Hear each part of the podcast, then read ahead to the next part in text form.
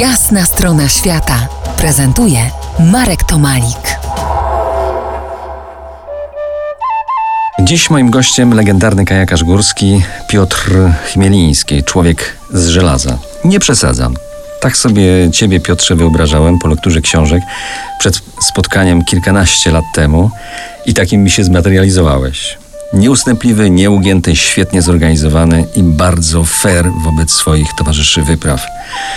Nie ma lekko. Przejrzyj się w tym zwierciadle, można zaprzeczać lub spolegliwie przytakiwać. Jaki jest Piotr Chmieliński? No, bardzo normalny, może nietypowy, ale z drugiej strony, jeszcze raz podkreślam, te moje osiągnięcia nigdy nie byłyby możliwe bez działalności grupy.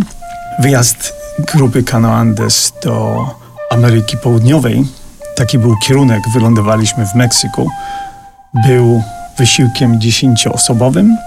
Później z Meksyku pojechaliśmy w piątkę w kierunku Ameryki Środkowej, Południowej.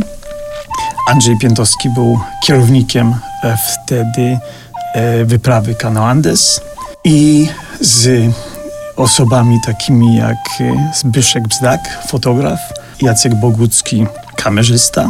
Myśmy wtedy ich traktowali trochę jako drugą klasę, ponieważ nie byli kajakarzami. Ale mogę powiedzieć, że dzięki nim w ogóle ja tu na przykład jestem, bo jak się okazało, dzięki fotografii, dzięki materiałowi filmowemu wtedy, świat się trochę o nas dowiedział. Dzięki Andrzejowi Piętowskiemu, Jurkowi Majchelczykowi, Stefanowi Danielskiemu, który dołączył do nas i Krzysztofowi Biczowi Kraśniewskiemu, zrobiliśmy, przepłynęliśmy kanion Kolka i to był wysiłek grupowy.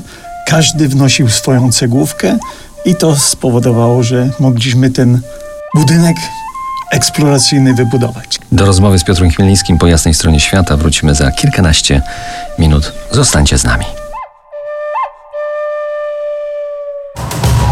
To jest Jasna strona świata w RMS Classic.